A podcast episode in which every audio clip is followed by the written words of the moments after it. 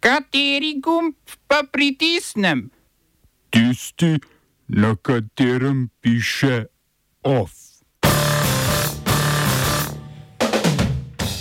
Po odstopu z položaja nizozemskega premijeja Rute je napovedal umik iz politike.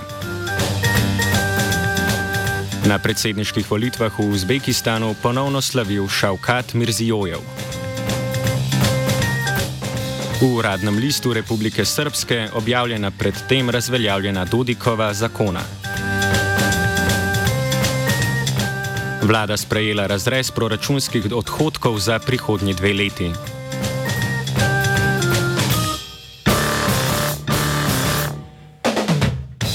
Nizozemski premijer Mark Rutte je odstopil z položaja predsednika vlade in napovedal, da po 17 letih vodenja Ljudske stranke za svobodo in demokracijo, poznane pod skratico VVD, zapušča politiko. Rutte, ki je premijejsko funkcijo opravljal najdlje v nizozemski zgodovini od leta 2010, je odstopil potem, ko je zaradi nesoglasja glede migracijske politike razpadla vladna koalicija, ki so otvorile tako leve kot desne stranke. Rute je apeliral za uveljavitev dvojnega sistema za prosilce za azil, pri čemer bi ljudje, ki jim grozi pre preganjanje, bili deležni več pravic kot tisti, ki bežijo iz vojnih območij. Tako stališče naj bi zauzel, da bi ugodil desnemu krilu stranke, čemur pa je ostro nasprotovala stranka Krščanska unija.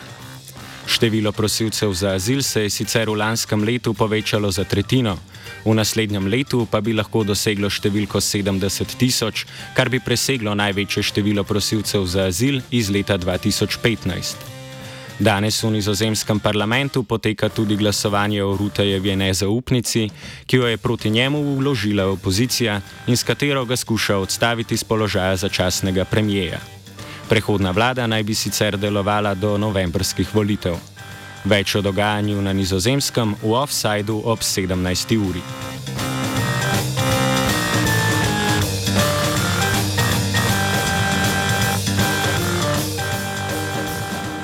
Na nedeljskih predsedniških volitvah v Uzbekistanu je s 87 odstotki glasov zmagal Šavkat Mirzijojev, s čimer je bil izvoljen za svoj tretji predsedniški mandat. Prvega je Mirzijojev začel leta 2016. Zaradi omejitve na dva zaporedna petletna mandata bi mu funkcija prenehala veljati leta 2026, vendar je bila na aprilskem referendumu sprejeta sprememba ustave. Skladnjo z njo je bil predsedniški mandat podaljšan spet na sedem let, Mirzijojeva leta predsedovanja pa so bila izničena. To pomeni, da bo Mirzijojev funkcijo predsednika upravljal vsaj do leta 2030.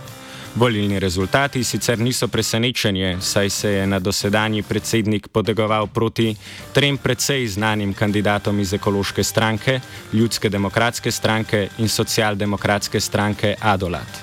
Volilna udeležba je znašala slabih 80 odstotkov.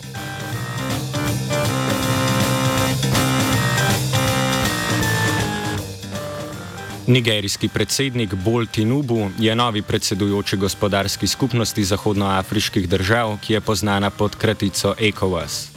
Tinubu bo na funkciji, na kateri se navadno vsako leto dni izmenjujejo predstavniki 16 držav članik ECOWAS-a, naslednik predsednika Gvineje Bisau Umara Sisoka Embala.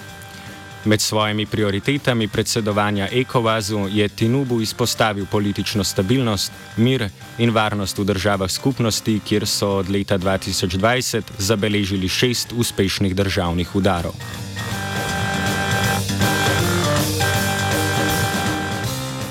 V gruzijski prestolnici Tbilisi je več kot tisoč desničarskih strajnežev udrlo na festival Parade ponosa in s tem izsililo njegovo prekinitev.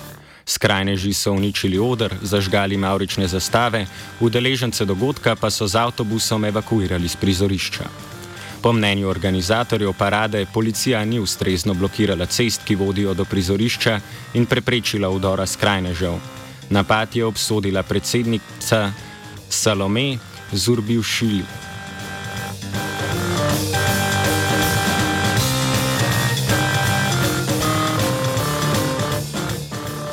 Švedski premijer Ulf Kristensen in turški predsednik Recep Tayyip Erdogan bosta dan pred jutrišnjim začetkom zasedanja vrha Zveze NATO v Vilni začela pogovore o švedskem članstvu v zavezništvu. Erdogan je ob tem dejal, da bo podprl vstop Švedske v NATO, če bo Evropska unija ponovno začela pristopna pogajanja o vstopu Turčije v Evropsko unijo. Prav tako je pozval k spoštovanju tristranskega sporazuma, ki so ga Turčija, Švedska in Finska podpisale na lanskem zasedanju vrha Severnoatlantskega zavezništva v Madridu. Turčija je kandidatka za članstvo v Uniji od leta 1999, pristopna pogajanja pa je začela leta 2005, a so ta hitro zastala, takrat v prvi vrsti zaradi nerešenega ciprskega vprašanja.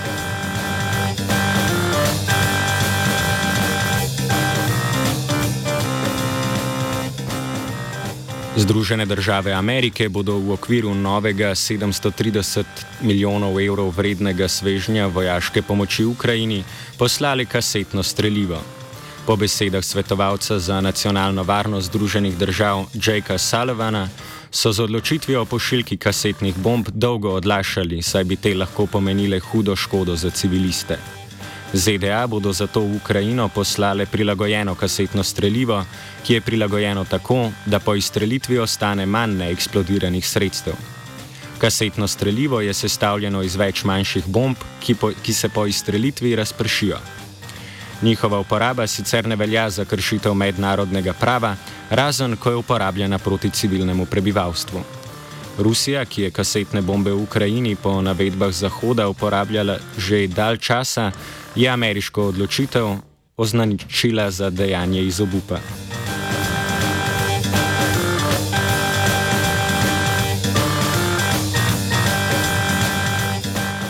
Ostajamo pri dogajanju v Ukrajini.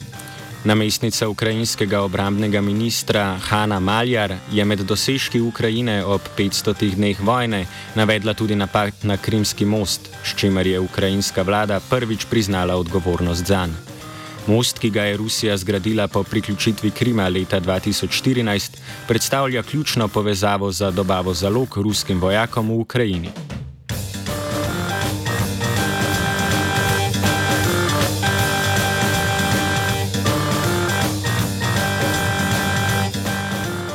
V uradnem listu Republike Srpske sta bila objavljena sporna zakona, ki jo je v petek podpisal predsednik Republike Srpske Milorad Dodik. Zakon, ki vstopa v veljavo čez teden dni, Republiki Srpski omogoča, da zaobide odločitve visokega predstavnika mednarodne skupnosti v Bosni in Hercegovini. Trenutno je to Kristjan Schmidt. Parlament entitete Republike Srpske je 21. junija sprejel spremembo zakona, skladno s katero Schmidtove odločitve ne bodo več objavljene v uradnem listu, kar de facto pomeni, da ne bodo veljavne. Schmidt med izvršna pooblastila, katerega sodi tudi razveljavitev zakonov, je 1. julija razveljavil to zakonsko spremembo. Schmidt je prav tako razveljavil odločitev Banja Luške skupščine o neopoštevanju odločitev ustavnega sodišča BIH, ki kljub razveljavitvi stopa v veljavo danes. Po mnenju Šmita parlament entitete nima pravice odstopati določil ustave BIH in drugih obveznostih zapisanih v Daytonskem mirovnem sporazumu iz leta 1995.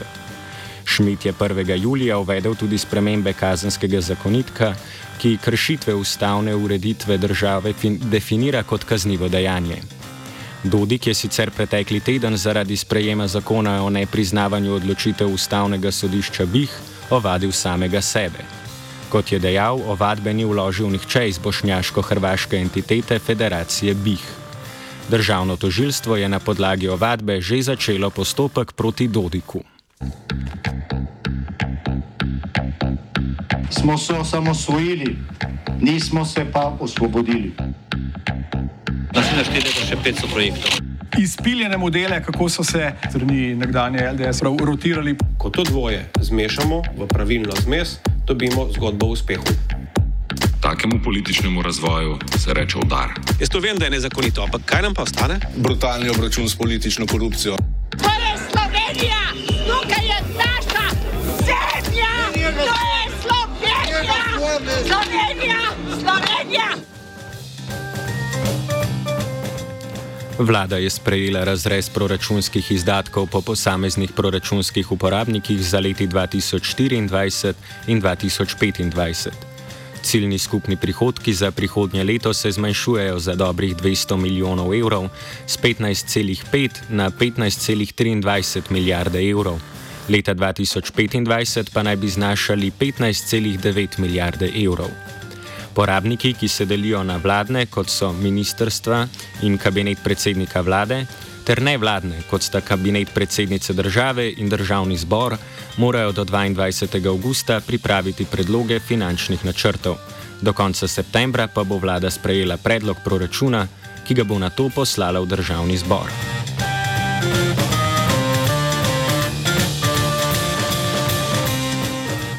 V vladi Roberta Goloba je prišlo do drugega ministerskega odstopa. Po nekdanji notranji ministrici Tatjani Bobnar je odstopno izjavo v petek popovdne podpisal tudi zdravstveni minister Daniel Bešič Loredan, ki je sicer tudi podpredsednik vlade. V izjavi za javnost je premijer Golob dejal, da imata z ministrom v odhodu različne poglede na to, kako krepiti javno zdravstveno mrežo. O novem kandidatu za ministra pa ni želel razpravljati. Loredan je sicer odstopil pred državno-zborskim odločanjem o interpelaciji, ki jo je konec junija proti njemu vložila največja opozicijska stranka SDS in bi potekalo po parlamentarnih počitnicah. Uradno se bodo poslanci z Loredanovim odstopom seznanili na četrtkovi seji.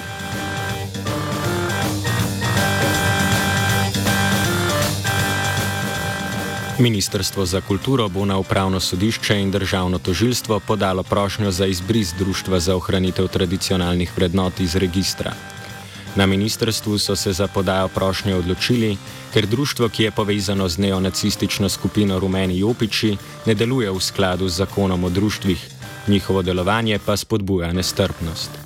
V mandatu prejšnje vlade je Ministrstvo za kulturo pod vodstvom Vatska Simonitija Društvu za ohranitev tradicionalnih vrednot podelilo status nevladne organizacije v javnem interesu na področju kulture in mu s tem omogočilo državno financiranje. Zakaj so se odločili za vložitev prošnje na upravno sodišče in državno sodišče, tožilstvo, je na tiskovni konferenci pojasnila kulturna ministrica Asta Vrečko. In zaradi vsega tega, kar oni javnosti sporočajo s svojim delovanjem, s svojimi objavami na socialnih omrežjih, smo se odločili na Ministrstvu za kulturo, da bomo ukrepali. Namreč zakon o društvih je jasen. Nobeno društvo ne sme delovati proti usta, ustavni ureditvi, ne sme delovati uh, zato, da spodbuja versko rasno ali drugo nestrpnost v družbi, ampak mora s svojim delovanjem krepiti tudi uh, druž, uh, področje, na katerem deluje. In zaradi tega in vseh teh razlogov, dokazov, ki so tudi prišli v zadnjem času v javnosti in s tem, kar je bilo tudi junija v povezavi z parado ponosa uh, v Ljubljani, smo se odločili na Ministrstvu za kulturo, da bomo podali uh, v skladu z 41. členom zakona o društvu prijavo na upravno sodišče in pa tudi jih bomo naznanili na um, uh, državno tožilstvo in prosili za izbris tega društva iz registra. OF je pripravila Tija.